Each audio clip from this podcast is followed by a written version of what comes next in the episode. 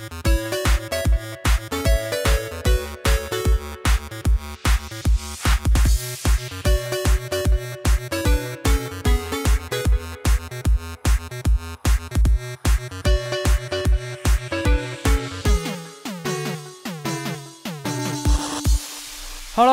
og velkommen til spill.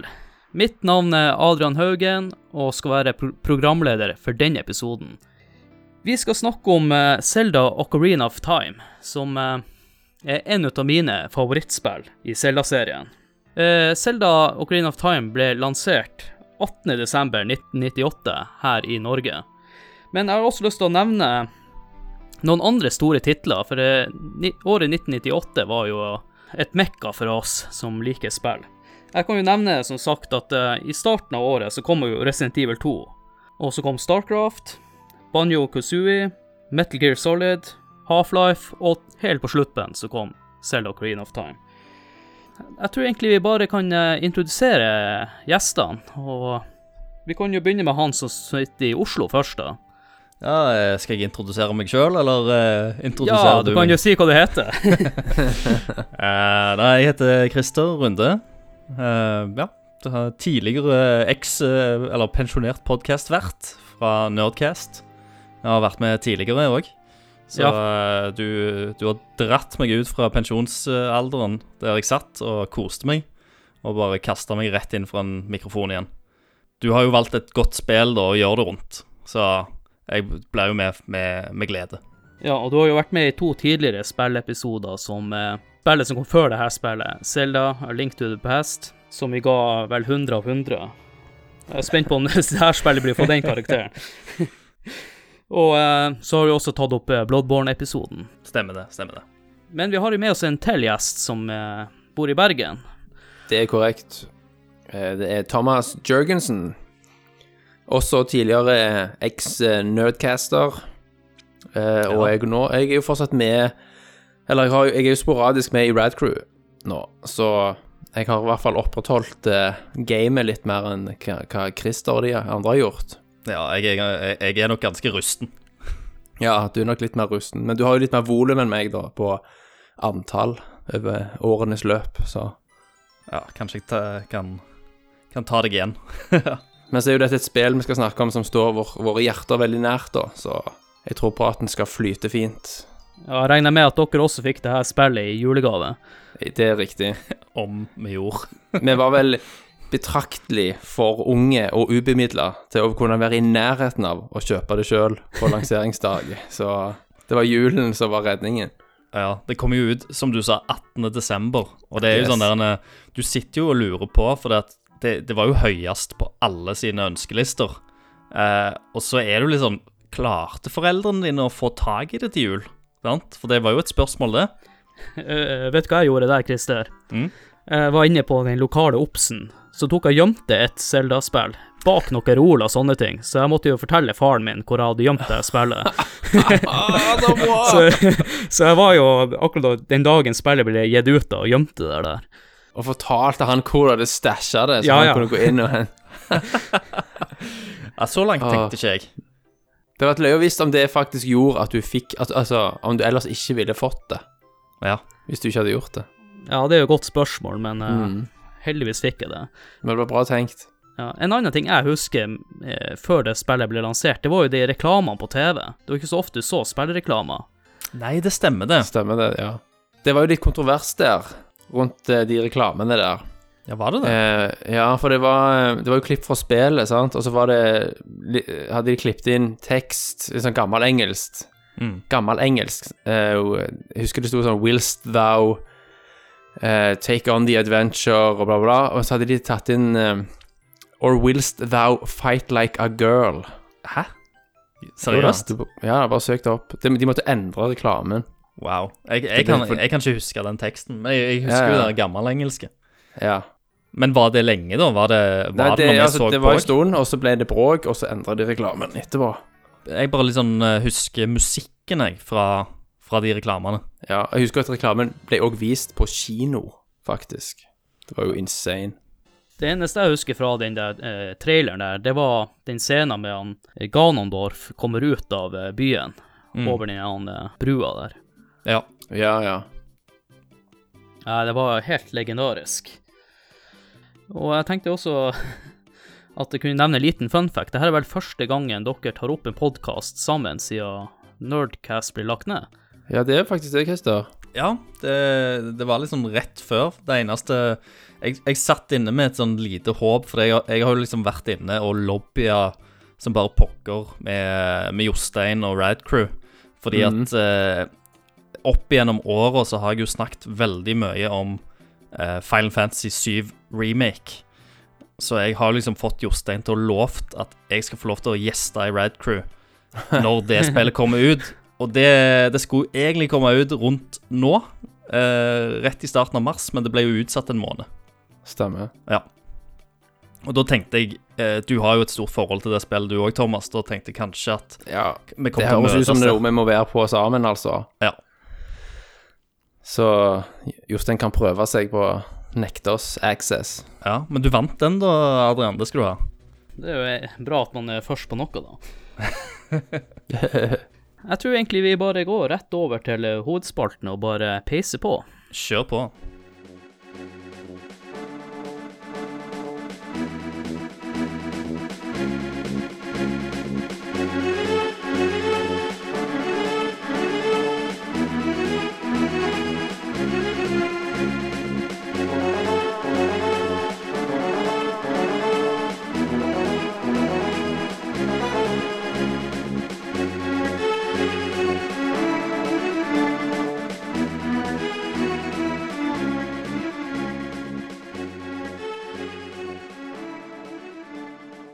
Da tenker jeg at vi bare kan eh, komme i gang med hovedspalten. Og eh, det her var jo det første 3D-spillet i Selda-serien. Hvordan forhåpninger hadde dere til det spillet, og innfridde spillet når dere starta det? Jeg kan jo si for min del at eh, sant, dette var jo, altså, det var jo mer eller mindre pre-internett, sant. Sånn at det vi hadde sett av spillet i forkant, var jo i blader mye. sant? N64 Ja. Magazine. Eh, det var stillbilder på Gamespot og den slags, og kanskje noen sånn mikro-letterbox-videoer. Og så var det disse TV-reklamene, da, selvfølgelig. Og de TV-reklamene, ja. Så i hodet mitt husker jeg at jeg hadde jo hypa dette opp langt forbi det jeg visste at, at N64-en var i stand til å gjøre. Mm. Sånn grafikk og teknisk. Jeg forsto f.eks. For ikke at de bildene fra eh, Altså, de, de Det er jo en del stillbilder, faktisk, i spillet. Ja. Sant? Pre-rendered eh, sekvenser. Som jeg tro- trodde var real time, sant? Eh, der du kan se individuelle blader på trærne og sånn bare Å, herregud! Hvordan klarer de å få det, liksom? På en intensifier 4. Men sant, sånn var det jo. Du hypa opp til himmelen, sant? Mm. Så det var jo liksom sånn jeg så for meg at det kom til å bli. Uh, men det ble jo allikevel sånn i hodet mitt, fordi du var så oppslukt i spillet. Og det var jo et teknisk mesterverk òg, som egentlig går forbi det N64-en faktisk skulle tro var i stand til. Ja, ja. Du hadde jo ikke sett noe lignende tidligere. Nei, du hadde ikke det.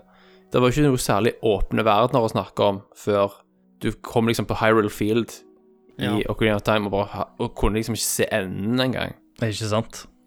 Jeg syns nå bare Kakoriko Village- Village eh, virka som en stor verden i seg sjøl. Ja, sant. Jeg husker i hvert fall når man våkner opp i, på den plassen der. Jeg slet dritlenge med å finne det jævla sverdet i det spillet.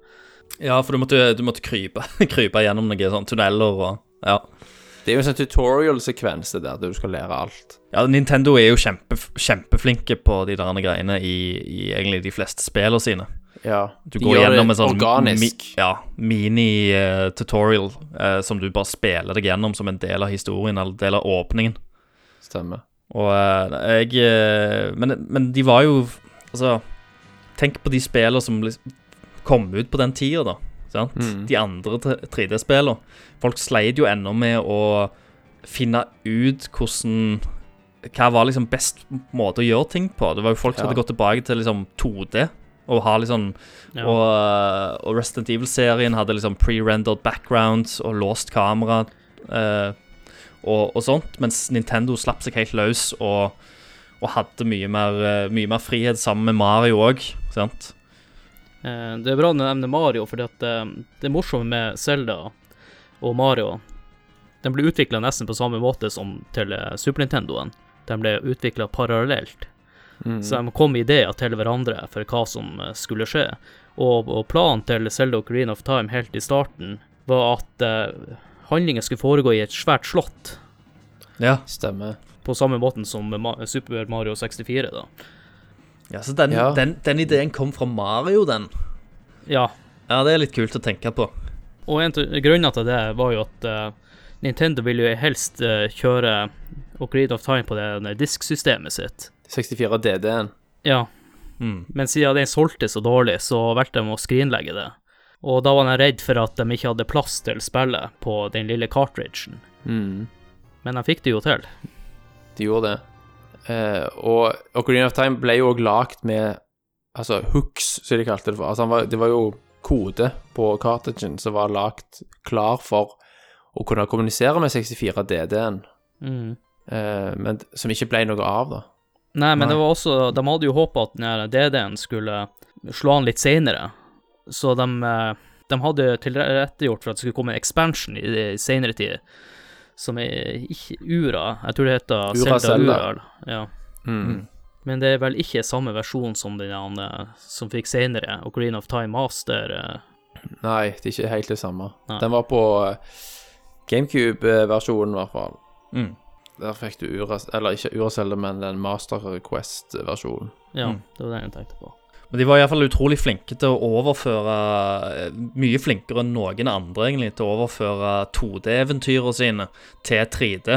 Det Det er der de er unike. Det Ja, er der de er fullstendig unike. Det, de får det til å føles ut som en Det, det er en veldig rett utvikling. sant? Det, alt føles bare korrekt. Og det, dette er Zelda, dette er Mario. Dette er sånn, Selvfølgelig skal det være sånn.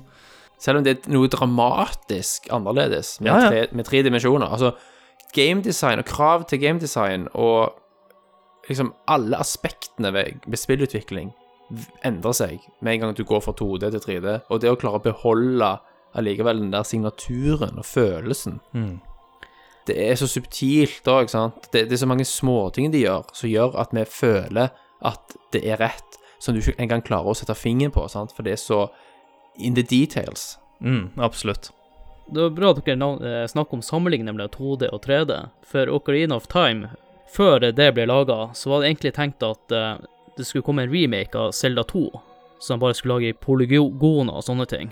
Så det var sånn egentlig Ocarina of Time starta, med at de skrinla det prosjektet, Zelda 2-prosjektet sitt. Jeg tror det var like greit, jeg. Ja, det høres veldig bra ut. Selv om jeg har, jeg har spilt Zelda 2 i ettertid, eh, og jeg syns jo allikevel det har jo sine kvaliteter, men det er jo Det er jo gjerne kanskje et spill som føles litt annerledes, da. Selv om det òg er jo selvfølgelig et annet et Zelda-spill. Men det, det er kanskje det Zelda-spillet som føles mest ut som, som noe annet, kanskje. Ja, som et eksperiment, nesten. Ja. Um, og så er det jo Det er jo selvfølgelig deler av eh, eh, Hva heter det uh, Den der eh, med den der jævla fisken og det egget. Det Zelda-spillet som kom ut på Ja. Gameboy. Link's Awakening. Link's Awakening. Link's Awakening. Det, det fikk jo en, en remake nå. Men det òg har jo ting i seg som gjør det til, gjør, gjør det til å føles veldig annerledes ut. Samtidig så er det Så det beholder jo det der top down og klassiske Mye av de klassiske Zelda-ting òg. Men samtidig så har du veldig mange karakterer, og du kan hoppe blant annet i det spillet via, med et mm. item som er nytt for Zelda-serien. da Men jeg, jeg syns det var bra du nevnte i stad, Christer, med eh, måten Nintendo introduserer spilleren for spillet. Mm. Og du har jo det første palasset i eh, Ocarina of Time, DQ3. Det er jo egentlig bare en ren eh, introduksjon av alle mekanismene du kan eh, bruke. Mm. Det, det er jo det, og eh, der òg er du sånn Det er første gang, for du er jo inne i den der lille byen. Den lille drittbyen, egentlig, Ja. med shops og alt sammen. Men så når du kommer til Deku-treet, da, så er jo det et gigantisk tre, så det var liksom Det var noe med størrelsen, da, at du litt etter litt smyger deg inn på litt sånn denne, denne store, enorme verden som venter deg, da. sant? Eh, Og etter DQ3, sant, når du blir liksom først kasta ut på den Hyril eh, Fieldsen, sant? Når det slår deg i trynet, da, og du bare liksom litt etter litt går opp for deg at her ute så kan du liksom roame fritt. Det er så svært. Mm, Du, Hodet ditt forsto det jo ikke engang. stemmer. Sant. Jeg husker jeg var imponert over den dag- og nattsyklusen. Ja. Det hadde ikke jeg vært borti før i TV-spill. Ja, ja, det òg var jo nytt. At det var en realtime-syklus der. Ikke bare det, og så hadde du De hadde jo òg spillmekanikker som gjorde at du kunne manipulere det med den Ja, uh, fløyta. Mm. Mm. Jeg synes det var utrolig kult, men uh, akkurat i startfasen der så tror jeg det er beregna at du ikke skal klare å rekke å komme deg til byen i tide Ja, ja. for å møte på de skjelettene der. Jeg husker det, jeg var litt redd da, Ja, å fighte mot de der der. Det, Stemmer. det var faktisk ja, På den tida så var kanskje det litt skummelt å springe rundt på kveldstid, og så var det liksom Ja, ja. litt sånn skjelett. Og det var, det var noe litt spennende. Det var ikke sånn Jeg var, var ikke livredd. Det var ikke Resident Evil. Men Jeg husker, men jeg husker liksom at eh, når sola går ned, så forsvinner musikken, sant? så hører du ulven så uh, Ja, sant? Og kraftelyder og sånn. Og så husker jeg den lettelsen når du sola begynner å stå opp, så begynner den der den musikken. ja. Ding, ding, ding. Så, åh, jeg er safe. Men jeg husker også med Harald Field at jeg følte at det her var gigantisk område. Men det er egentlig ikke så mye som skjer inne på det området. Nei. Det er ikke mye vegetasjon heller. Nei. Det er det ikke. Men, men tenk da, sant? det var jo liksom første gang du opplevde noe sånt. Det var jo bare enormt. Så liksom for eh, liksom gut, gutta Min fantasi, da, tror jeg òg Ja. la igjen veldig mye der. Jeg, jeg Klart. la igjen veldig mye av meg sjøl og mine tanker og, og sånt i, i det universet. Jeg fikk lov til å være med og, og bygge det litt sjøl oppi hodet mitt.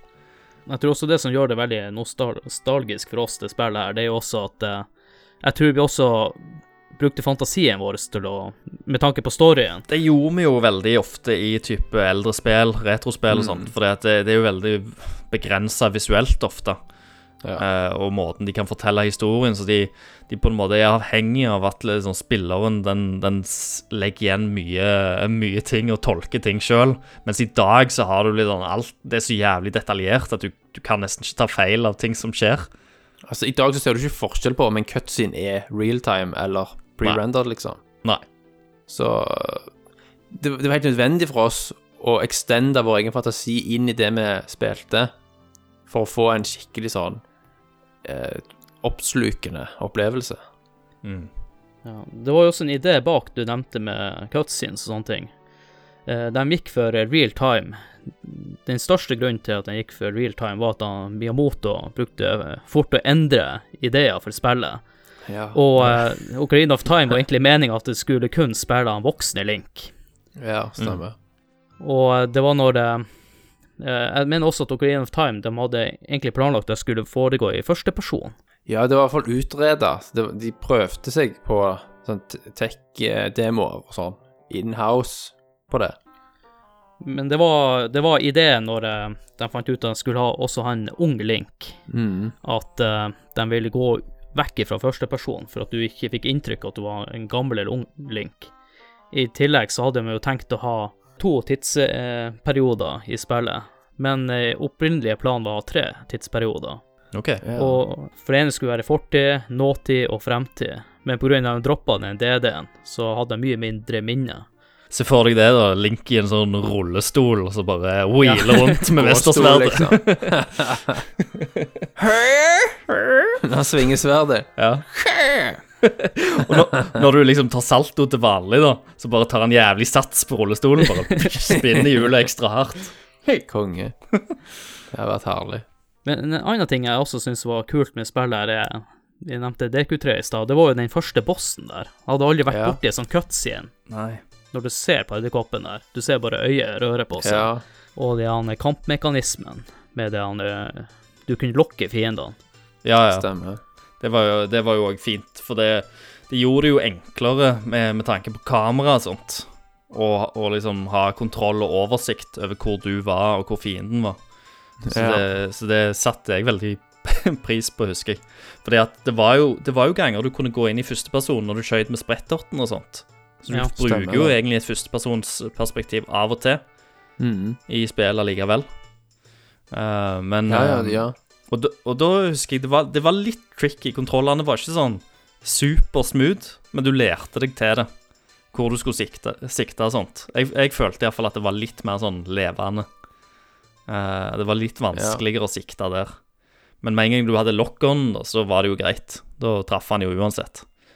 Men det var jo hvis du skulle uh, skyte ting som var lenger ifra deg, som du, der du ikke nådde med den vanlige lock-on, for den hadde jo en eller annen Mm. begrensning med tanke på avstand. Vet dere hvor de henter inspirasjon til den kampmekanismen ifra? Det er den set target-funksjonen. Ja, Eh, ja, hvor var det?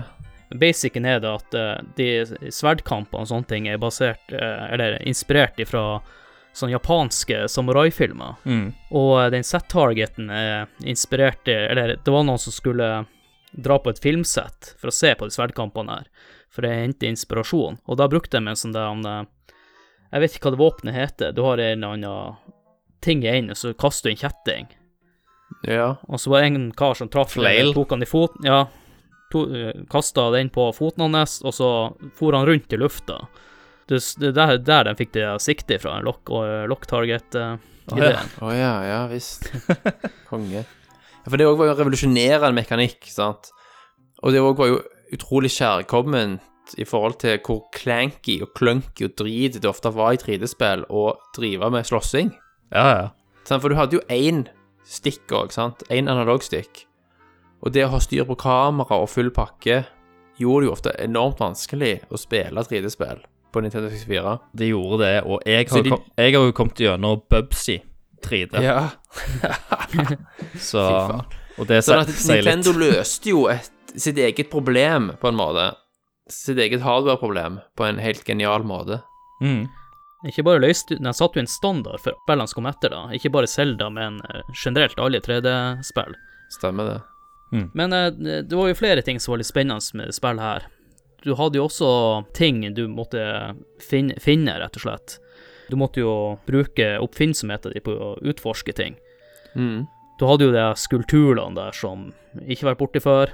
Ja, som samler Power. Ja, samleobjekter, rett og slett. Ja. Ja, Du ja. hadde sidequests, du hadde samlerobjekter, du hadde Mhm. en, en eh, hel del ting, og i og med at du nå var i en 3D-verden, så kunne jo iallfall de derne skulptørene De kunne jo liksom være over deg og rundt deg og sånt, så det, det gjorde jo sånn at du måtte ofte inn i denne her førstepersonsperspektivet og leide litt rundt omkring. Stemmer. Du hørte de bare sånn Var det noen av dere som klarte å, å finne de her? Alle dem? Jeg jeg hadde ikke 100 Nei, jeg hadde heller Jeg skal ikke skryte på meg det, men jeg hadde ganske mange. Men Noen som vet hva man får hvis man klarer å finne alle?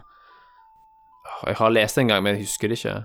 Du opphever cursen til de der... Folkene folk ja, inne i i det stygge huset. Selvfølgelig. Det spøkelseshuset. Ja. Alle blir om til mennesker igjen. Mm. Ja, og så Ja, hver gang du går inn der, så tror jeg du får 200 rupees eller 500 rupees hver gang du går inn i det rommet. Ja, men altså, jeg var jo sånn der hvis, hvis det hadde ført til at du hadde fått et nytt sverd, et rødt mestersverd eller noe sånt, eh, så hadde jeg Kan du banne på at da hadde jeg faktisk gjort det. Men i og med at Jeg, jeg fant nok ut på et tidspunkt hva, hva rewarden var, og så tenkte jeg at det er ikke verdt det. Men det syns jeg også var litt morsomt når jeg spilte spillet, for jeg hadde jo Vi snakka litt i stad med å ha eller stor fantasi da om eh, det spillet her. Mm. Og jeg trodde jo at man eksempel ja, Som du sa, at man skulle få et sverd, et eller annet bra item, da. Så derfor jeg var lette etter de tinga. Så, men jeg, jeg husker jo at jeg Den, den lengste sidequesten i det spillet eh, For det er jo en lang, eh, lang jævel av en sidequest. Da får du jo et sverd. Da får du denne svære to- to-hand-sverdet. eh, men da må du liksom springe fram og tilbake, og det er noen timere og noe tull, og så må du opp Stemmer til det. Goron og, få det smidd. En sånn svær eh, For du kan jo finne en versjon av det sverdet tidligere, men da Så brekker det. Ja. ja. Det får meg jo til å tenke på eh, Breath of the Wild, da. sant? Der knekker jo sverdene dine òg. Stemmer det. Sant? At de, det var en tidlig idé allerede da Ja, å ha destructible weapons. er ikke sant? Det er en kul mekanisme jeg ikke har tenkt, tenkt på. Men du kunne bruke det knokne òg. Men da gjorde det jo vel mindre skade enn det, enn det vanlige sverdet ditt. Ja, det, jeg tror ikke det gjorde så mye skade i hele tatt, det han knekte sverdet. Men eh, det er jo en ting vi ikke har snakka så mye om. Vi starter jo som han eh, unge Link i spillet. Mm. Og eh, vi nevnte i stad at man, eh, når man kommer til Harriel Field, så må du jo inn til byen, da. Og der møter jo Selda for første gang. Ja, Og så syns jeg det er litt kul den scenen der du ser han Ganondorf inne i det slottet.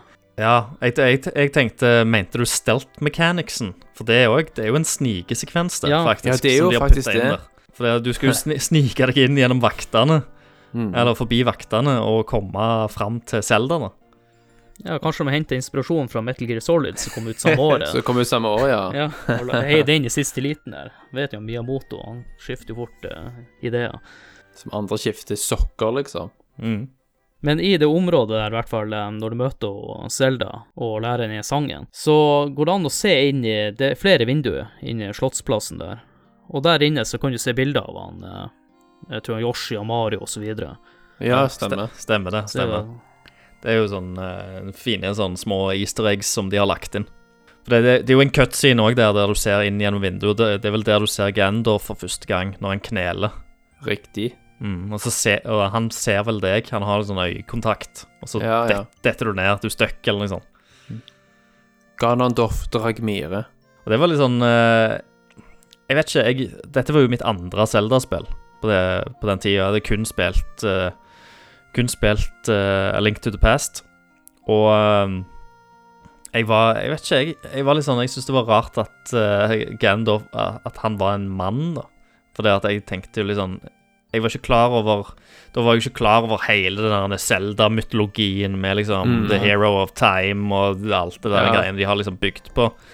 Uh, men eh, Men eh, da var jeg liksom Hvorfor heter han Ganondorf? Han, het, han skal jo hete Ganon, og han skal Ja. jo være en gris.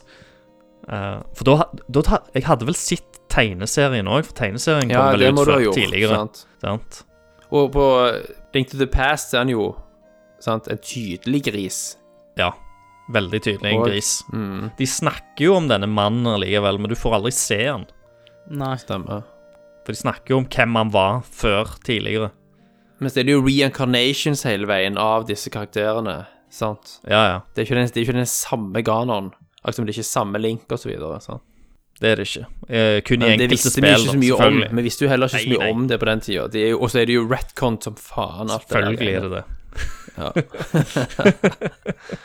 Så Men jeg føler òg at, at i det 3D-designet så ville en gris plutselig sett veldig rart ut. Jeg er helt enig. Det var bare mine forventninger på det. Ja da, selvfølgelig. Men vi, vi tenkte ikke så mye på design og den slags. Vi tenkte mer linært. sant? Ja, Var det en gris før, så skal det være en gris nå. ja, selvfølgelig skal det det. Men uh, han, han blir jo en gris, da, så han, han skuffa jo ikke. Ja, ja, han blir jo en slags demongris. Ja. Ja, men jeg husker også, jeg syns det var veldig merkelig at han Ganondorf uh, ikke var den grisen. I hvert fall, uh, som jeg husker, så ble du introdusert for flere områder. Du hadde jo den eh, Mount Doom. Da ble du introdusert for en ny rase som ikke hadde vært med før i Selda. Og nå husker jo aldri jeg kan hete Go Gorodo, eller Men uh, er det ikke Gorgon de heter, da, eller? Ja, noe sånt. De er Gorgons. Ja, hva de gjorde? Det er jo de der steinfolk. De spiser jo stein. Å ja, ja, ja. Selvfølgelig. De var jo alle med. Altså, de har ikke vært med før. De var nye. Ikke Ja. Men Gorons. Nei, hva Gorons. er eh, Goron. Goron. Goron, Goron Valley. ja. Ja. Nei, så Det syns jeg var veldig kult, at det kom inn en ny rase som var vennlig. For at i selger Link to the Past så var jo stort sett alle fiendene som ikke var mennesker. Mm. Og du eh, må jo også inn der, for at eh, du må vel ha Du må vel ha tre medaljonger for å få Ja, altså der også er jo, Det er jo den klassiske, klassiske strukturen sant, som vi også forventer med tre på en måte mindre slott. Ja. ja det er eh, iallfall vi som hadde spilt A Link to the Past, da. Ja. Det var liksom blitt en sånn etablert forventning. Mm. Uh, det var jo mange som, når de spilte Link to the Past, trodde at det var spillet. sant? At du, var- det Ja. var de tre slott, og så var du ferdig. Og så bare wow! Så var det syv til, liksom. Ja. Eller seks, egentlig, i, i praksis. Og så, for, Eh. forventer du på en måte at det skal skje noe etterpå der, da. Sant? Fordi at du, du, får, du gjør disse tre tinga som eh, fører deg liksom nærmere eh, Så kommer du inn i en sånn og møter hovedbossen omtrent. Eh, der du feiler på en eller annen måte. Ja. Eller han lurer deg, som han Mm. gjør her òg. Men i A Link to the Past så blir du sendt til en annen parallell dimensjon, mens her så blir du, sitter du fast i tid og blir voksen. Ja. Sant? Så det er en del beats som er veldig, veldig like, med tanke på storyen, da. Og måten det Mm. går fram på. Men det var jo jævlig kult item i hvert fall du fikk der oppe i fjellet. Det var jo bumerangen. Ja, ja.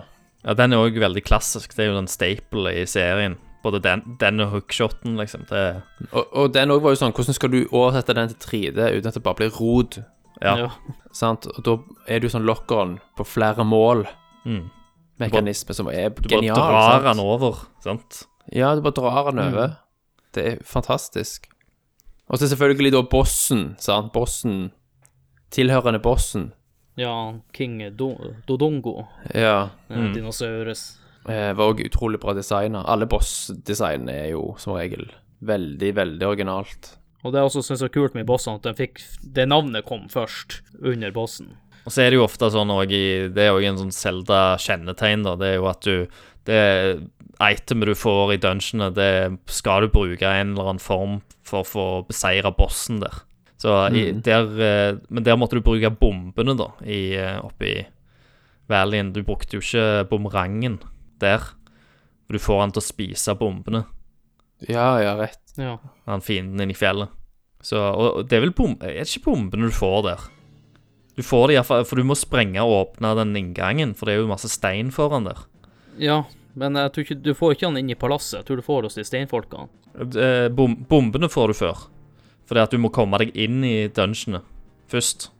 Eh, og da må Ja, ja. du bruke bombene.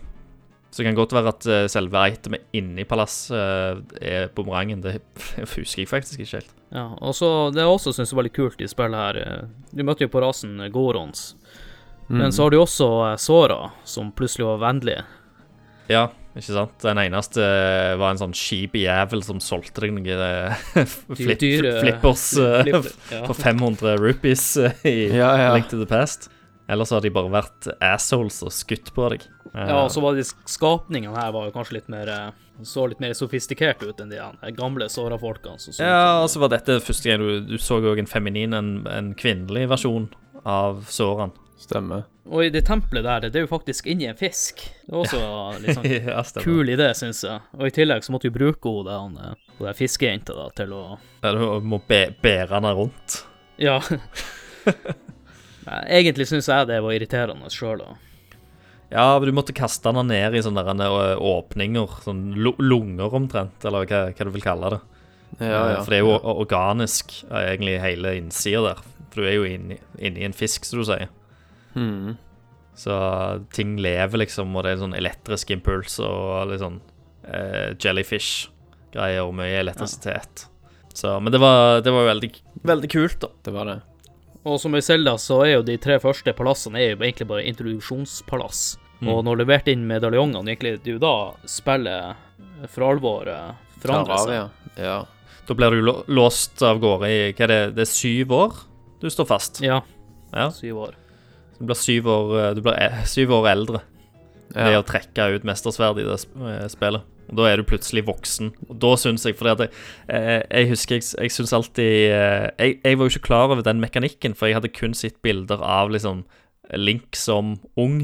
Og jeg, jeg, jeg hadde alltid et stort problem med hvordan han så ut, for jeg hata den forbanna grisenasa på han. ja, ja. Eh, og, og når, da, når da at du, um, du gikk gjennom den cutscenen, og så plutselig våkner du opp som liksom Christer, gammel Ja. jeg har et fun fact på utseendet til både han Link og han Ganondorf. Eh, Begge to er basert på skuespillere. Griser. Ja. Han, eh, han, han har Link basert på, det har ikke kommet fram. Kanskje han Leonardo DiCaprio med tanke på han har sånn Mitchell, men han eh, Ganondorf Ikke Nicholas Cage. Nei, ja, Ganondorf er han eh, Christopher Lampard i de Highlander-filmene. Ja, Highlander. Å ja. Men var du fornøyd da, Christer? Ja, jeg, jeg var når jeg, når jeg da endelig ble liksom voksen, så syns jeg jo han så kvitt uh, grisenasen. Ja, nå, da så liksom Link ut. Sånn skal han se ut. Da var Ja. jeg liksom det, er- det er Link der. Det er sånn jeg kjenner han. Ja, og det andre jeg syns var jævla kult når du kommer ut eh, fra Temple of Time, det er jo den stemninga. Du, du hører ikke noe musikk, du hører bare noe sånn uh, kråkelyder og litt sånn uh, Ja, lyder av kråke og vind, da. Ja, For heil, Ja. hele byen er jo i ruiner. Ja, men når du kommer inn i byen, så er det det skumleste som er i hele det spillet. Det er de jævla zombiene der. Og det hylet der. Jeg vet ikke om det er han eh, Link som har det jentehylet. De med hull i, uh, i trynet. Det, de har jo ikke øyer. Det er bare liksom to svarte hull og en sånn munn. Det ser ut Ja. som noe sånn der han eh, eh, Han der han, Hva faen heter Jinji uh, Ito. Han, har Ja, ja. han som tegner sånne jævla skrekkgreier. Ja, ja. Han kunne jo Stemmer det. tegnet det der greiene. Det er ikke kødd. Så for, for et ungt barnesinn, så det er sånn du får mareritt av. Jeg får enda mareritt av bare høre det skriket og de han, zombielydene der. Men der òg var det Du kunne gjøre noe med de òg, kunne du ikke det? Du kunne gjøre de til stein hvis du uh, spilte en eller annen sang. Ja. Var det Sunsong eller noe sånt? For du lærer deg jo forskjellige sånn. sanger. Det er òg en sånn gameplay-mekanikk, egentlig. Som er veldig kul. Og uh, disse spillene har jo Altså, Nintendo er jo kjent for å lage utrolig bra musikk. Um, og Ocarina of Time er jo ikke et unntak. Det er jo gjerne et av de Ja, skal ikke, skal ikke si at eh, det er et av de beste, for det finnes så mange bra, men det er iallfall et eh, soundtrack som jeg husker veldig godt. da Ja, ja. Jeg kan jo hver en Altså, hver en melodi vekker liksom enkelte minner og enkelte følelser. Sant? Det tar meg tilbake igjen til den tida. Absolutt. Det er jo noe veldig nostalgisk med det. Men vi burde kanskje snakke om eh, Det ligger jo i navnet til spillet, Ocarina of Time. Ocarinaen er jo en sentral del i det spillet, Ja. og musikk. Ja, som jeg, var, som jeg var litt inne på, så er det jo liksom et instrument som du tar med deg. Eh, og så under liksom dine reiser så lærer du jo forskjellige typer eh, sanger da, som du kan spille. Noen eh, kan manipulere været, noen gjør at du kan reise eh, Eller fryse disse her eh, folka. Andre låser opp gjerne dører eller gjemte hemmeligheter. Det er veldig mye du kan gjøre med den ocarinaen. Det er jo òg veldig sånn typisk at de bygger opp spillet rundt en sånn sentral mekanikk, sant? Sånn som Ocarina. Ja, ja. Det er òg sånn hver, hver gang det har vært et nytt Zelda-spill, så har det alltid vært sånn spørsmål. Sånn, hva er det på en måte den sentrale mekanikken denne gang? Mm. I uh, På GameCube Twilight Princess. Twilight Princess, sant, så var det jo ulv. Transformasjon, så var gimmicken. Så har det alltid vært noe. Men det jeg syns var litt stilig med de han, eh, da, i den der han, eh, Nå husker jeg ikke navnet, nå sitter alt helt stilt til Moo Moo Farm, eller Ranch. Lon Lon Ranch. Ja, London Ranch, ja. Jeg syns det er kult der med at uh, du får møte Epona når du er liten, Ja. og så lærer du denne sangen hos jenta, og så når du drar dit igjen, så er Epona blitt stor. Mm. Men det som er en liten fact med Epona, hun ble egentlig skapt fordi at eh, hun skulle være en funksjon for å bevege seg raskere i Hyrule Field. Da. En slags fast travel, var det det? Ja, og det var egentlig tenkt å ha en eller annen sånn der, hest i eh, Mario 64, men av proporsjonene til Mario, så ville det bare se rart ut. så eh, det er også en idé som egentlig starta på et annet spill, men som ble overført til Selda, siden Ja. de lagde dem. Ja, for det òg var jo Samtidig. Det òg var jo utrolig gøy, da. Sant? Etter du hadde gjort den der eh, sidequesten, å få Epona og ri rundt på den fielden. Det, Ja. eh, Følelsen av det òg var jo litt sånn magisk. Sikkert mye mer magisk i, i hukommelsen min enn Ja. som det egentlig er, hvis du spiller det. Men, uh, men iallfall min, minnet om det da var liksom Å, herregud, dette, dette spillet bare har Dette har alt. La dere merke til at de to folkene på farmen der, at de var basert på Mario og Luigi? Ja, i hvert fall underbevisstheten. Så har jeg vel sett det såpass mye etterpå at uh... Jeg vet ikke om jeg tenkte så mye på Mario Louis altså, Men det var mer Nintendo, da. Det var veldig Nintendo-aktig. mm, Måten de designa karakterer på og sånt. Så men, I hvert fall sånn menneskelige karakterer. De er litt sånn tjukke med bart og litt sånn stor nese og ja. Litt sånn rare, litt sånn cartoony Cartoony proporsjoner. En ting til jeg vil nevne med Ocarina, som sikkert dere også husker. Det er i hvert fall en sang Mm. som er veldig populær. Det er jo når du lærer deg Song of Storm. Du lærer den som voksen, men når du reiser tilbake som barn, så spiller du den til han. Eller hvordan det var. Ja. Og så når du møter han igjen som voksen, så blir han irritert på han, eh, han lille gutten i grønn tunik som får ikke den sangen ut av hodet sitt, eller noe sånt. Nei, nei. Det er, også sånn, det er også en kul mekanisme, men det rare er jo at han lærte jo deg sangen. Ja det er et klassisk paradoks. Det er utrolig, utrolig gøy at de sniker sånne, sånne ting inn. Ja. Det er et rent eksempel på et sånn klassisk tidsparadoks. Mm. Nei, så jeg syns de fikk med mange sånne kule ting, sammen med Sora, som plutselig har blitt ondt i is, da. Mm. Det som er i senere i spillet, du klarer jo aldri å få tint uh, den plassen. Nei. Nei, du gjør kanskje ikke det.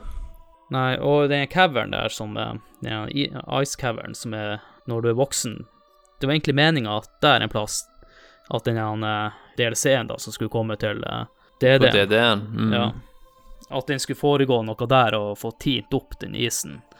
Stemmer. Mm. Det er et palass jeg i hvert fall lyst til å snakke om, det er jo Skogstempelet. Mm. Ja. Og det var, det var faktisk ikke det første tempelet jeg tok når eh, jeg spilte en voksen i Link. Jeg tror det ble det det, tredje eller noe sånt. Det var nummerert, men eh, Jeg tror, jeg tror Men- mitt var Skogstempelet. Jeg husker veldig godt musikken der, for det var så Mm. Du holdt deg våken om natta, liksom. ja. Husker du det? Det var helt sånn twisted. ja jeg syns også det er kult, det er litt så mystisk. Hvorfor er det svære slottet ute i, i Lost Woods? Ja. Og så må vi ikke, vi må ikke glemme den der forbanna ugla, da. Den, eh, den vise, gamle ugla som kommer. Ja. Den der Jeg vil jo helst, musikken. helst ikke nevne det. Nei, men hut, hut. Det er liksom ja.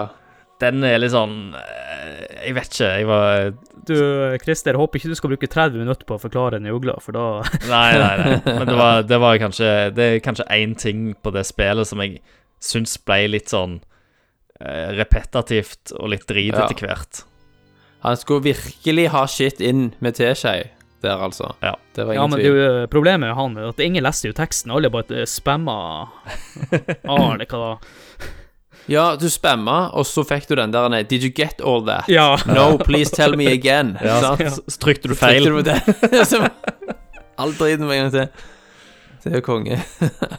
Fy faen, det var dritt. Men det der Wood Temple, Mm. Det var utrolig bra designa. Husker du den der eh, gangen du går i, så twister hele Ja.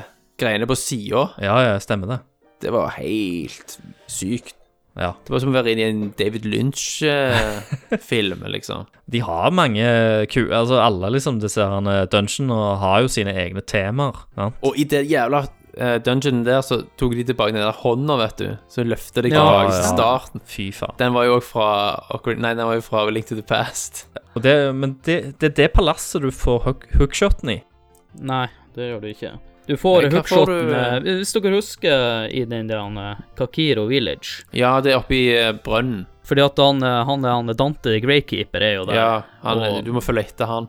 Ja, men når, han er, når du blir voksen, så er han død. ja, stemmer. Han er et spøkelse. Og da må du følge etter spøkelset, ja. Ja. Ja, ja, stemmer. OK, det er der du Ja, eh, det hadde jeg glemt. Men Var det pil og buen du fikk i Lost Woods, eller?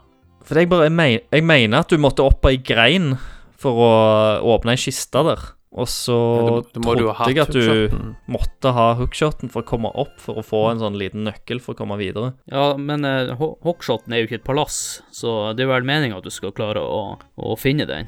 Ja, men det er litt kjipt at du står fast da, hvis du kommer så langt. Ja, men det var jo litt med selv Ocarina of Time at uh, det var jo en periode Jeg tror det var Vannpalasset som jeg tenkte vi skulle snakke om etterpå. De Det var plass der jeg, ja, der jeg stoppa opp i en måned for jeg klarte å komme videre. Ja. Men det som er kult med også med Skogspalasset, det er to ting jeg vil nevne. Du skal jo drepe fire sånne spøkelser der. Ja. Og når det er ett spøkelse igjen, hvis du er litt langt unna, så kan du se at hun er lei seg. Fordi at de andre tre søstrene er døde. Det er jo bare trist. Ja, det er sånn liten detalj som jeg tror det tok en god stund for folk la merke til. Mm. Og det siste er jo selvfølgelig han Ganondorf, bossen der. Ja, gjennom de bildene. Han er jo sånn spøkelseversjon av han. Ja, eller Phantom Ganon, som han heter. Ja. Yes. Og eh, de bildene der er jo egentlig en uh, referanse til hva de hadde planer i starten for Zelda Green of Time. At du skulle kunne hoppe inn i bildene.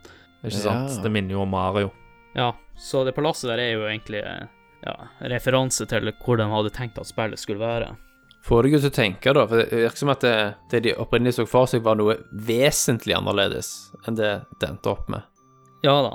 Det hadde jo vært, det hadde jo vært utrolig morsomt å sitte den versjonen av Zelda òg, men jeg altså, allikevel så er jo De har jo gjort så mye rett her. Sant? Så jeg vet ikke helt om jeg hadde lyst til å bytte ut det vi har fått heller, mot å Selv om det, det høres veldig interessant ut. Ja, så her var jo første Zelda man så Link var blond. Ellers så hadde man bare sett det med brunt hår eh, i sånne maleri eller bilder og sånne ting. Ja, ja. Illustrasjoner. Mm. Men eh, skal vi bare hoppe over til det verste palasset i hele spillet og snakke om vannpalasset?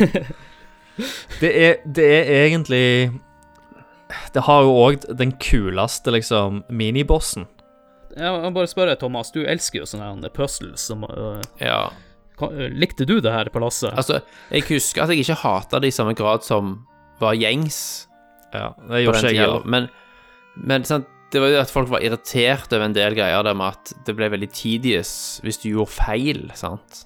At det var veldig mye heving og senking av vann og Det, det verste med hele palasset, det er ikke det heller. Det vil jeg si å ta av og på seg de jernskoene. Ja. For det er en jævla tungvint Inn på menyen, av menyen, inn på menyen, av menyen. Ja. Det gjorde det veldig tungvint. Eh, Altså, dere spilte kanskje remaken på 3DS? Jeg gjorde aldri det. Ikke heller. Jeg gjorde det, og der eh, de, Jeg husker de gjorde noe med Water Temple, i hvert fall. Pluss at der var det jo Nei, det var jo det at der kunne du bare tappe på skjermen, så bytta du sko, bare uten å trykke pause. Ja. Oh, Så det ble mye lettere. Men ja, eh, det, det hadde jo et enormt dårlig rykte på seg, på grunn av blant annet det der med skoene. Og 3D ja, og den perioden, da, sant. Ja. Eh, og alle Altså, vi kjenner jo Det er jo liksom alltid de levelene folk hater verst i alle alltid- spill. Det er, jo det er jo når du skal under vann og svømme rundt Ja. omkring. Tomb Raider og sånt. Jeg hater det. Gjør den det med vilje, eller? Jeg, jeg, de tenker vel Denne gangen skal vi få det til. Men de får det jo faen aldri til. Men jeg liker litt den musikken også i Water Temple, hvis jeg Ja. husker rett. Ja. Den ga litt sånn stemning. Jeg liker jo, eh, som jeg prøvde å si i stad, den minibossen. Ja, Du har jo en shadow link. Eh, på, på det tidspunktet så visste jeg jo ikke heller at det var jo en direkte referanse til Zelda 2. For det er jo siste bossen i Zelda 2. Eh, Ja. Men, eh, men eh, at du møter liksom den her doppelgangeren. Dobbeltgjengeren Ja, ja. som bare er helt svart. Eller han er vel sølvfarga, er han ikke? Um, Eller er han svart? Han er gjerne litt er sånn oljete. Ja. Men det, det som er kult, syns jeg, når du kommer inn i rommet, du ser bare et tre, og så ser du inngangen til bossen eller noe sånt, og, og du ser jo ikke han før du snur deg og skal gå tilbake igjen. Det er jæklig bra. Det er den aller beste sekvensen i hele spillet. Ja, eller kanskje en av de beste sekvensene i alle Zelda-spill, vil jeg si. Ja, jeg tror det. Eh, en eh, liten fun fact med han bossen der. Han har akkurat samme eh, like mange liv som du har. Så hvis du på en eller annen merkelig måte klarer å komme deg inn der bare med tre hjerter, og har det svære sverdet, så kan du drepe ham med ett slag. ja. Så kanskje lurt å, hvis du er litt hardcore, prøve å ikke ta så mange hjerter, så prøv å ta ham på færrest mulig slag, da. Mm. Men er det noen av dere som husker selve bossen i det palasset, da? ja da. Det var den der uh, Nucleusen. Ja, så, ja den bossen Høy- minner meg om den filmen Det er Byss. Ja, Ja. det gjør han. Det er bare en sånn kjernesak som manipulerer vann for å få Ja. fysisk form. Jævla bra kom på. Ja, de har, de har noe lignende i A Link to the Past, har du ikke det? Ikke helt likt, da, men du har jo de der øyene og de der som Ja, eksisterer Ja, i varm vann. stemmer. Ja. Så en, bare at dette er gjort om til 3D, da, og designet er litt annerledes. Jeg tenkte vi skulle gå over til neste palass, men det var faktisk det palasset jeg tok til, helt til slutt, når jeg, gjennom min første gjennomspilling. Det er Shadow Temple. Mm. Og det som er kult med dette palasset, at du spiller mye som en ung Link i det her palasset. Mm. Du, du vant til hockshoten og alle de gode, bra våpnene, og så må du tilbake til palasset med hva du si, dekunøtter og dekusticks. Ja. ja. Ja, det er jo også litt sånn creepy palass, da. Det baseres jo på undead. Ja, stemmer det. Mm. Men han bossen der er jo latterlig enkel, da. Han er bongo bongo. Så han, ja, bongo bongo. han heter bongo bongo. Ja, ja. Ja, han husker jeg var ganske enkel. Slår på noen hender og til slutt slår han i trynet. Ja, Men det er ikke akkurat det palasset jeg husker best. Jeg husker at det var ganske kort. Og, og så fikk du Hoover-bootsen. det. Det var de du fikk der, ja. Eh, Forresten, i vannplasset fikk du en longshot. Hookshot. Longshot, hookshot. Ja. Eh, ja, jeg vil bare nevne fort det der eh, flammepalasset. Eh, Ja. Det er jo egentlig det første plass Nei, nest andre plasset du er Der får du hammeren, og det er også Palasset der er mest kjent for, det er jo at de måtte endre musikken til tempelet. ja, riktig. For det jeg mente var sånn islamsk chant eller noe sånt i bakgrunnen som uh... Det så jeg på YouTube og sånn uh, myth-greier. Mm. Men eh, som jeg også har sett, så ble det fjerna før det ble påpeka fordi at det, det var borte i den siste koden, tror jeg, før den ga ut spill eller noe sånt. Ja. Men, men også den samme chanten er i et eller annet bilspill til Nintendo 64, som jeg ikke husker helt i farta nå. Ja, men det palasset der jeg syns ikke var Det er ikke så mye annet å snakke om. Nei. Og vi må også nevne Gerudo Desert, da. Ja. Der ble jeg også kjent med noen, for han, eh, Ganondorf er jo fra det området. Stemmer. Han, han, Det er jo hans hood. Yes, og det er jo bare en, en village fullt av uh, kvinnfolk, egentlig. Mm. Han var vel den eneste mannen. Det var, det var veldig sjel eller det var veldig sjeldent, iallfall. At det ble født en, en grudo mann. Stemmer. Så han hadde lett på, når han var ute på byen, da, med å få seg Ja. Ja, ikke sant? Og det, Litt men eh, merkelig hvis, ja, hvis det er sjelden at det blir født en gerudomann, så kan du jo lure på hvordan disse damene har viderebrakt Ja. planen. De må ha tatt folk utenifra i så fall. det må de nok. Uh, er det ikke en sånn stelt-mechanic der òg? Jo, det er jo det. Ja. Du skal snike deg inn ut av det fengselet. Stemmer det. Uh, og det var litt strevsomt, husker jeg. For hvis du blir da, hvis du taper, så må du gjøre alt på nytt. Ja. Men det blir jo stilig, de sverdkampene, da. Ja. Ja, de har jo disse sånne sveve svære Sånn Sve- ja, er det sånn Skimitars, skimitars, ja. Bøy, Ja. Bøyde sverd. Så de bare tj- tj- tj- mot deg. Mm. Husker det var vanskelig. Jeg ja, jeg husker det var vanskelig, men jeg syns også det var veldig kule sverdkamper. Men man satt jo med frykten, så du sa Thomas, med at faen, må starte på nytt igjen. Ja, ja. Så du hadde jo nervene i helspenn når du holdt Du på det. Man må, måtte jo gå og dusje etterpå, han ble jo så svett. Ja, ja. Men eh, for å komme seg til eh, det palasset, så må du jo følge etter et sånt spøkelse. I ørkenen, Ja, stemmer det? jeg vet, jeg vet ikke om jeg gjorde det for å bare eh, illustrere at eh, ørkenen er mye større enn den egentlig var. Iallfall gi inntrykk av det. Ja, det kan være det. Men du er jo stort sett nesten på samme plassen. Ja. Bare heve en haug med sånn eh, sandstormanimasjon. Men der er jo også Når du kommer til palasset, da, så er jo, må du jo også være liten først, for du må krype inn i et hull for å åpne et eller annet, ei, ei eller annen dør. Så må du Mm. tilbake der til, når du er voksen. Stemmer det. det jeg syns det er gøy, da, at de bruker, når de først har den time travel-mekanikken, at du må liksom bruke den litt. At du kan gjøre sånne ting. ja. At, at timelines påvirker hverandre. Ja, nå har vi jo bare nevnt noen ut av de plassene man må være både ung og voksen, da. Ja ja, det er jo overalt. Men uh, der får du jo uh, speilskjoldet. Det var jo episk. Ja, det var en ny mekanikk der også, som man ikke hadde vært borti før. Nei, men jeg var vant med Altså, der òg var jo A Link to, uh, A Link to the Past. Der òg får du jo på en måte et uh, Ja, gullskjold Ja, da, refleksjons, refleksjonsskjold. Ja. Uh, i siste palasset, før du liksom skal inn og beseire han her han er Ag Aghim-fyren. Um, og eh, så dette òg var på en måte en sånn der Iallfall for meg, når det A Link to the Past var det eneste Zelda-spillet eh, jeg hadde spilt før, så satt jo jeg og forventa at jeg skal komme Jeg skal få et eller annet Ja. speilskjold, eller et gullskjold, eller noe. Så når dette kom, da, så, så var det sånn Ja, der var det. Check, liksom.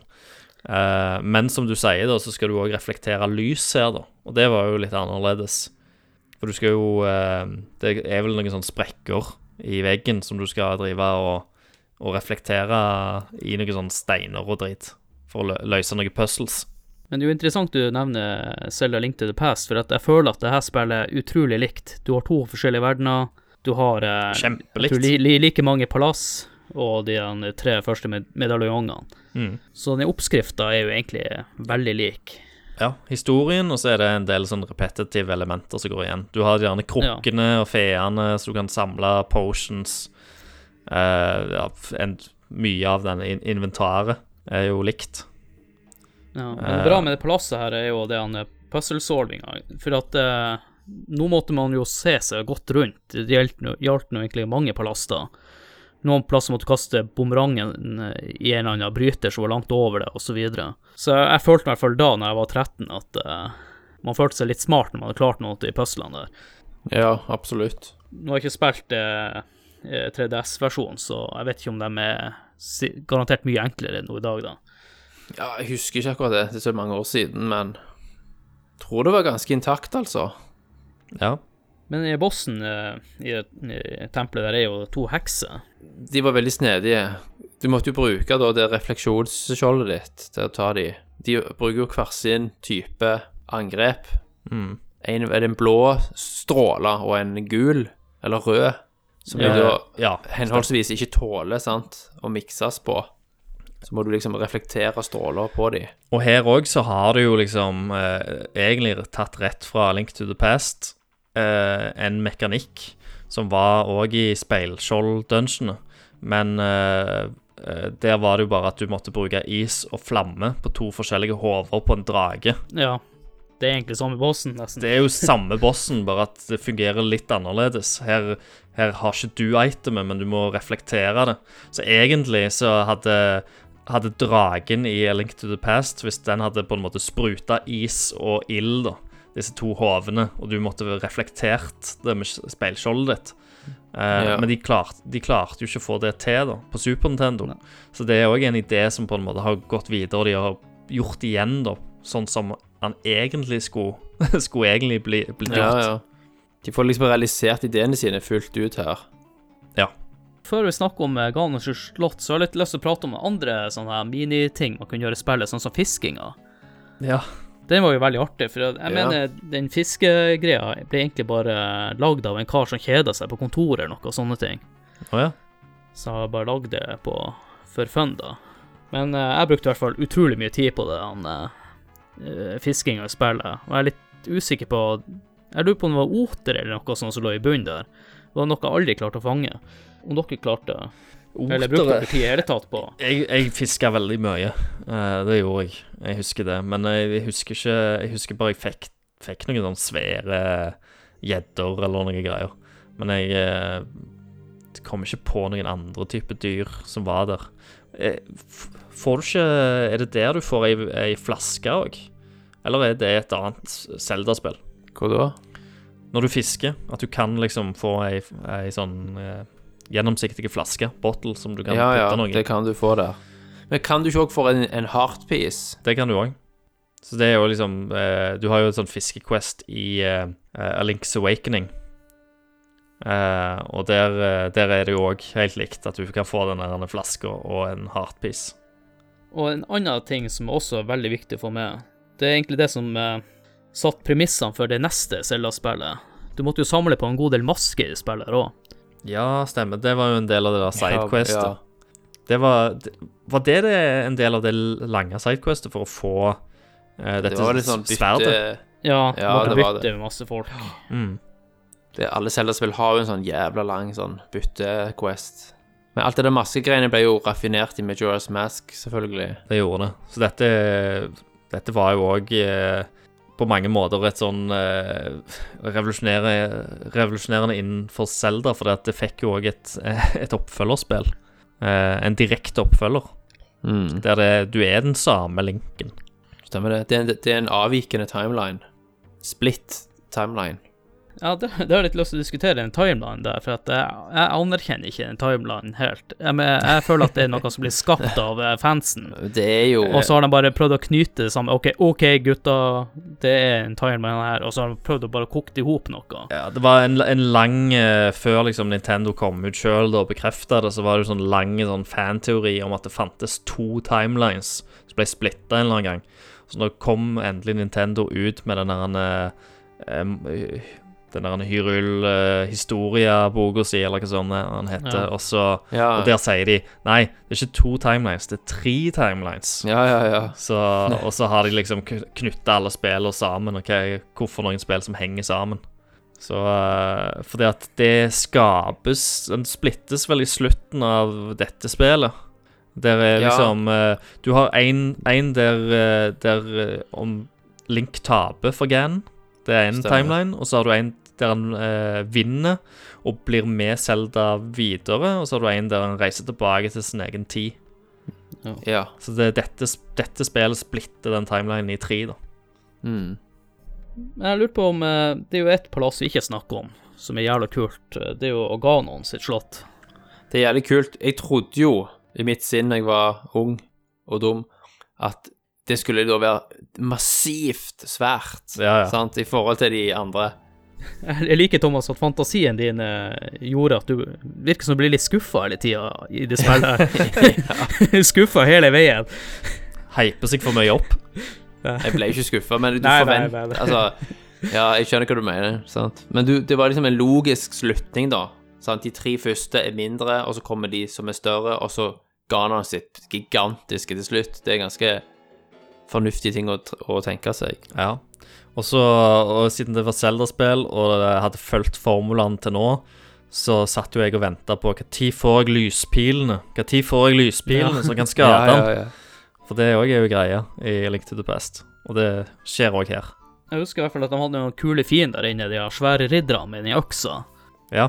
De var jævla stilige kamper. Ja. Mm. Og jeg savner, de- jeg savner de fiendene i de nyere Zelda-spillene. Og det, det brenner vel der og alt i sammen òg, gjør det ikke det? Eller det til gjerne etter du har slått den, når du skal liksom flykte da, fra et rase. Men det er litt stilig, for at du må kjempe det opp igjen, akkurat som det er et tårn. Du kommer eh, inn til et område, så må du fighte f.eks. to skjelett, Ja. slå dem, og så springer du opp trappa igjen, og så kommer du inn på et nytt rom.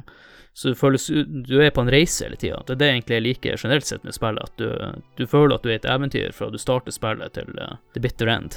Ja, ja du, du, du føler absolutt at du har vært liksom på, på eventyr og ei lang reise når du er ferdig med dette spillet. Men jeg, jeg hadde jo sikkert brukt jævlig mange timer òg, da. Altså, du mister aldri den røde tråden i hva egentlig hovedstoryen din er i det spillet her, kontra mange nyere spill, som er med åpen verden og sånne ting, så blir det fort at du glemmer litt av hva er, er, er egentlig det jeg holder på med. Ja, for de, er for overfylt med andre ting. Ja. Men når du kommer til toppen, i hvert fall på det palasset, så skal du spille litt tennis med han uh, Ganondorf. Ja. Stemmer. Det var nervepirrende jævelskap, det der. Det ble nesten sånn kontrollknusing, sant, for du skal slå kraftballene hans tilbake igjen på han med perfect timing. Ja. Og ikke bare én, men flere ganger. Og så går det raskere og raskere. Så Skal det raskere og fuckings raskere, ja. Mm.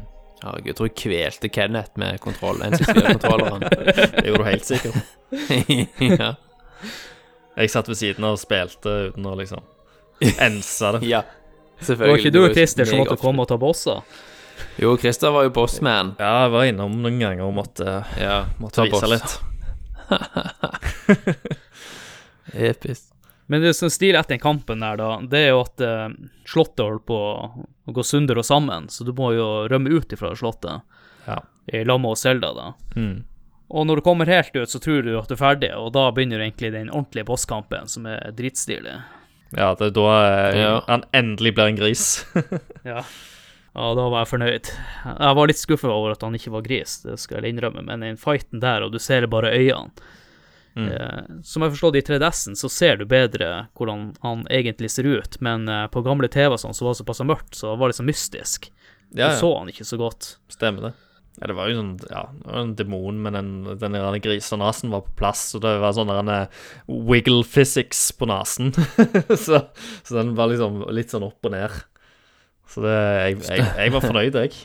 Ja, og så eh, Vi har jo snakka litt om Bloodborne, da. Ja. Og han eh, på en bossen her er jo litt den gode, gamle Bloodborne-oppskrifta med at du må komme deg bak bossen og slå han i, i, i, i halen eller ræva, da. Stemmer. Så kanskje her er inspirasjon til noen av Bloodborne-bossene. få han ned på kne. Men eh, det er én ting som jeg ikke skjønte noe ut av når jeg spilte spillet. Det var at Zelda var jo der skik. Ja, jeg tok ikke den, tror jeg. Nei, jeg tok han ikke i det hele tatt. Nei, Nei. ikke heller. Eller, jeg, jeg to, eh, det blir jo De sier det vel ganske tydelig, gjør de ikke det? da? Jeg visste at Zelda var chic på slutten av spillet når jeg hadde kommet gjennom Ja, spillet, altså, men, du får jo vite det, liksom. Ja, ja. men jeg, jeg, det var en twist. Det var en twist som jeg ikke så komme, da. Ja. Selv om, selv om Chic hadde det fuckings øya, liksom. Det der jævla stempelet. Det var jo ganske Ganske enkelt. Christer i dag hadde jo liksom tatt med en eneste gang. Det hadde Christer i dag gjort. Ja. Så han slakta det etterpå. yes. Drit. Det var Drit. alt var bedre før. Uoriginal. Det er ingen nerve. Nei. En annen ting eh, eh, vi ikke har nevnt, det er jo de sagene. Alle, hver gang du klarer et palass, så er det en sage. Egentlig samme mm. som i Link to the Past, med at uh, du befrir uh, Prinsessa. Ja. Men en fun fact med de sagene, alle dem, dem er oppkalt etter byer fra Zelda 2, tror jeg. Oh, ja. Så det er også en liten, liten sånn hyllest Og de er jo òg forskjellige raser. Det er en sage for hver rase i spillet. Stemmer. Og eh, også eh, en annen ting som jeg kom på nå Du, eh, i A Link to the Past Jeg refererer at siden, siden de bruker den samme formelen igjen og igjen. Eh, Ja. Der kan du få sånne medaljonger som gir deg sånn der eh, Egentlig magi, da. Så du kan liksom gjøre et eller annet på hele skjermen. Du kan fryse, du kan få noen bomber, så eksploderer det og sånt.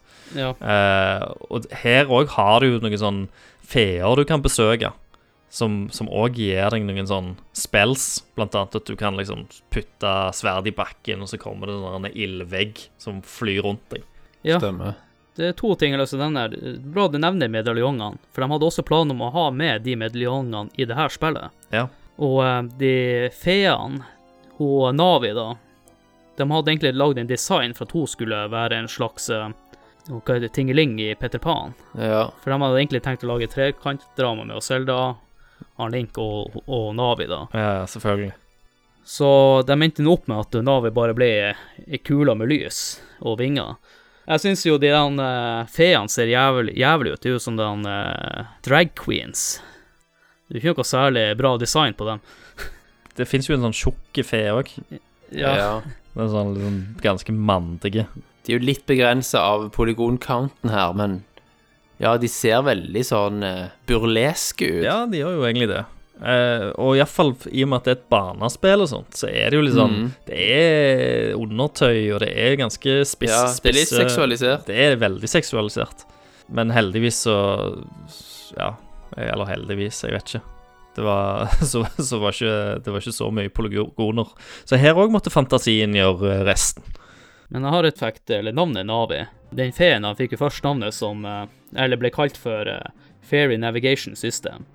Og så mens han jobba med spillet, så kalte han bare eh, den feen da for Navi. Å ja, Så ja, den beholdt støkker navnet. det. Ja, det er ikke dumt. Det er jo veldig sånn deskriptivt navn. Mm. Og det, det har jo òg blitt uh, Fra dette spillet så har jo uh, Link hatt på en måte en, en hjelper med seg i flere andre spill etterpå. Det starta vel med Navi, og så ene så hadde du Midna, og så er det selve ja, sverdet, og du har jo folk som driver og snakker til han. Men Navi er, er kanskje den mest ikoniske, da. Ja. Men det spesielle for meg med Ocarina of Time, at uh, det spillet var såpass bra at det satte en standard for meg for hva jeg skulle forvente uh, til neste Zelda-spill. Ja. Og eh, det her er også det spillet jeg fortsatt bedømmer nye Zelda-spill ut ifra, da. Det er jo rimelig, det. Det er egentlig ganske utrolig at de klarte å sette standarden med, med, sitt, med det første forsøket sitt. Hvem skulle ha trodd det når de hadde så jævlig mange ideer oppe i lufta? De bare kasta alt opp, og så regna det sammen, og så Men det altså, såpass. ideer som er så vidt forskjellige. Ja, ja. Og både, og både Super Mario og Zelda, de liksom største franchisene deres, de klaffer, begge to. Ja, og han Link han beholdt det blonde håret, for spillet før så han jo hadde lille hår, og spillet for der så var det vel svart, ikke eller brunt. Så de satte jo også standard for hvordan eh, figurene og karakterene skulle, eh, ble å se ut i senere tid, og det er vel ikke mange som har eh, fravika for mye ifra det. Selvfølgelig så har jo Windwaker da, som prøvde en ny stil, men ellers så har han i hvert fall beholdt eh, samme designet Ja, på stort sett alt. han. Mm. Er det noe mer dere har lyst til å ta opp før vi avslutter hovedspalten? Jeg tror vi har vært gjennom det meste. Den har jo noen forskjellige. Jeg vet at den har noen forskjellige versjoner og sånt. Ja, eh, det er jo og Masse mer å snakke om, selvfølgelig. Master eh, Hva det heter Master Quest og den type ting. Eh, men, eh, men ellers så har vi vel vært gjennom det meste. Eh, i, igjen så vil jeg bare si at musikken er jo òg mesterlig og utrolig bra sånn bruk av sånn ledemotiv og sånt. Det òg var liksom at Du forbinder musikk med liksom karakterer og plasser. Og for dere Ja. som hører episoden og lurer på hva slags musikk som er i bakgrunnen, så er det fra det her spillet. Mm. Og med det så tror jeg vi bare skal hoppe over til neste spalte og rate Ocarina of Time.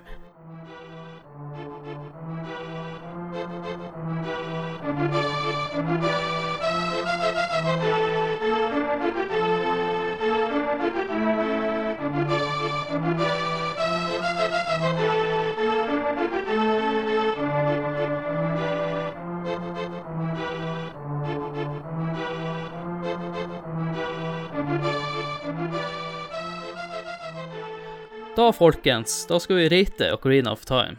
Og måten vi rater spillet på Vi bruker skalaen fra Nintendo-magasinet til han eh, Håkon Puntervold. og det er fem kriterier vi skal bedømme ut ifra, og skalaen er fra én til ti. Jeg skal bare nevne den først. da. Det er grafikk, lyd, spillkontroll, underholdning og holdbarhet. Og da begynner vi med grafikk, og jeg spør deg, Thomas. Ja, altså, jeg vil jo alltid dømme det ut ifra når det kom, så ikke blir det jo meningsløst. Og det var jo absolutt en eh, kicker av et spill, eh, grafikkmessig òg. Husk òg at det gikk uten expansion packen, dette her. Ja. Eh, så for meg så var det, det er en tier på, på grafikk, uten tvil. Eh, men òg, altså ikke bare grafikk ut ifra liksom polygonhåndtering, men det grafiske designet var jo òg utrolig at det var mulig med så svak hardware. Ja, og de brukte faktisk preendra bakgrunner for å gjøre Ja. mer detaljer, som ikke var normalt av Nintendo å gjøre. Eh, enn du, eh, Christer? Eh, før du svarer, så må vi jo Jeg er spent på om det her eh, blir å havne opp mot Selda Link to the Pass ved 100 av 100. Du var kanskje litt for snill der. Det kan, det kan være, men, eh, men vi får se, da.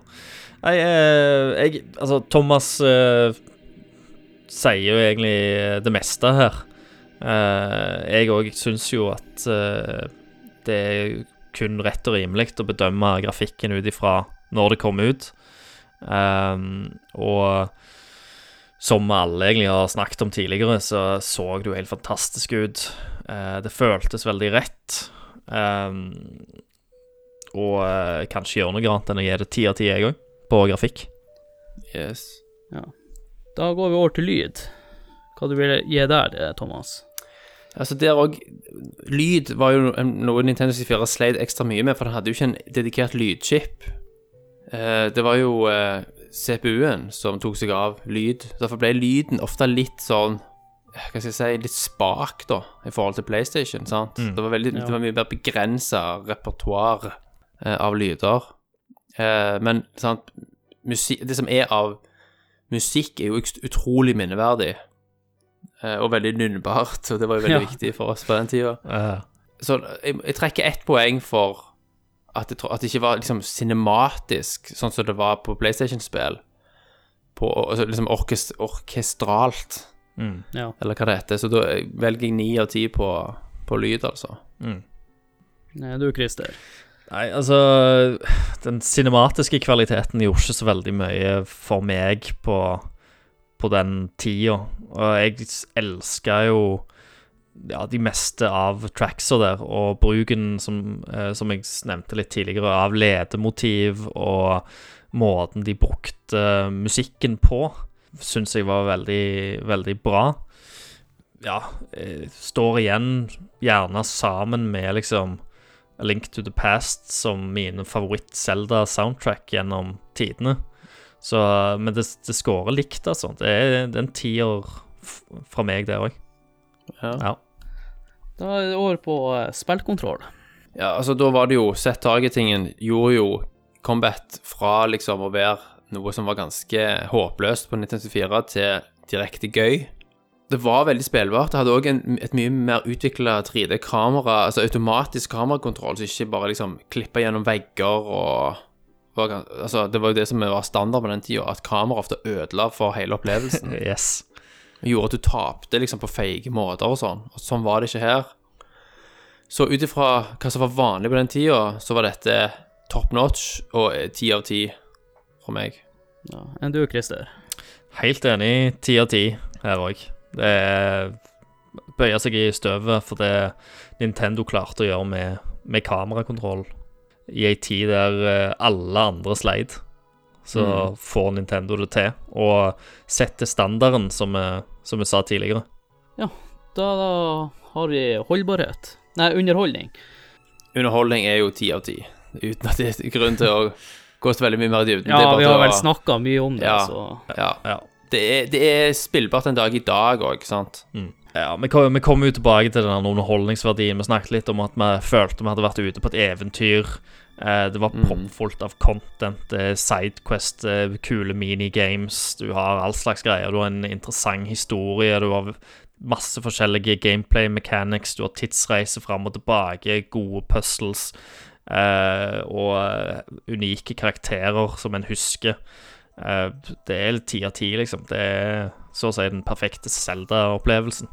Ja, og da har vi siste, som er holdbarhet. Holdbarhet Altså, sett i kontekst av liksom, Når spill var nye, da, så tolker jeg holdbarhet mer som eh, replayability. Ja, det var, egentlig det, det var egentlig det det heta før i tida, men, eh, Ja. men nå ser jeg litt mer hvordan det eldrer seg. Ja, så hvis vi, hvis vi tar det mer hvordan det har eldes, så vil jeg si at det er det, er- det er liksom en museumsgjenstand, mer eller mindre i dag, som er fullt ut spillbar. Jeg ville da valgt eh, 3DS-versjonen, hvis eh, folk har mulighet til det, som er på en måte den Den ser mer ut sånn som du husker at det Ja. ser ut, Mm. Eh, for å si det sånn. Så hvis folk ikke har spilt det før, så anbefaler jeg det. Ja. anbefaler det absolutt. Eh, fordi det er så Altså, det, det var såpass revolusjonerende for sin tid at det og, og førte til at så mange spill etterpå tok etter det. At, det. at folk som er yngre enn oss, fortsatt vil kjenne igjen mekanikker som er en selvfølge i dag i dette spillet. For det var først ut, liksom. Ja, det var jo banebrytende. Ja. Så da er det en ti av ti der. Jeg tenker jo eh, kanskje, kanskje litt, eh, litt annerledes. Uh, for at selv om det var liksom et Det er jo et produkt av sin tid, og det var revolusjonerende. Eh, og det er fullt spillbart i dag. Folk sitter jo der og speedrunner det som bare faen. Og eh, folk elsker det. Jeg, jeg kunne godt tenkt meg å gå tilbake igjen eh, og spilt Ja. igjen sjøl, da. Mm. Så liksom Gjennom nostalgibriller og sånt, så ville jeg jo gjerne ha gitt en tier, men jeg tror at det er mer realistisk å gi det en nier. Uh, bare for at jeg tenker at det er litt sånn clunkiness, og det handler jo mer om at jeg er, er så vant med at ting er så utrolig smooth i dag, at jeg tror det er deler av både kontrolleren og uh, ting som jeg hadde irritert meg litt over i dag. Eh, Ja. Men samtidig så er, så er det som du Akkurat som du sier der, Thomas. Um, så, men jeg, jeg trekker et poeng, altså. Jeg gir det en ni, nier akkurat der. Det er fair. Og hvis jeg skulle rate, så tror jeg jeg hadde tolka det i samme bane som dere har gjort da. Altså en overall eh, rating, eller? Det fine når en har to gjester, at jeg, jeg vil ikke si noe. Hvis jeg ikke får tyn fra noen lyttere. Ja, ja, ja. Så eh, vil jeg gjerne oppfordre folk til å like Facebook-sida Spill, og Spill har jo blitt en egen podkast og gått ut ifra sidelinja, mm. som jeg nevnte i Doom-episoden. Eh, hvis dere kjenner noen som er- interesserer seg for spill eller Ocarina of Time, gjerne tips dem om podkasten. Du finner oss på de fleste podkast-apper, men ikke på Soundcloud, siden vi har gått over til Podbean der. Og så vil jeg si eh, tusen takk for at du kunne være med, Thomas. Ja, bare kjekt. Bare hyggelig Bare det. Adrian. Ja, takk for at du også kunne komme, Christer. Vondbråten sitter jeg her Ja, ja, ja. Nei da, jeg bare kødder. Ja. Ja, og da vil jeg bare si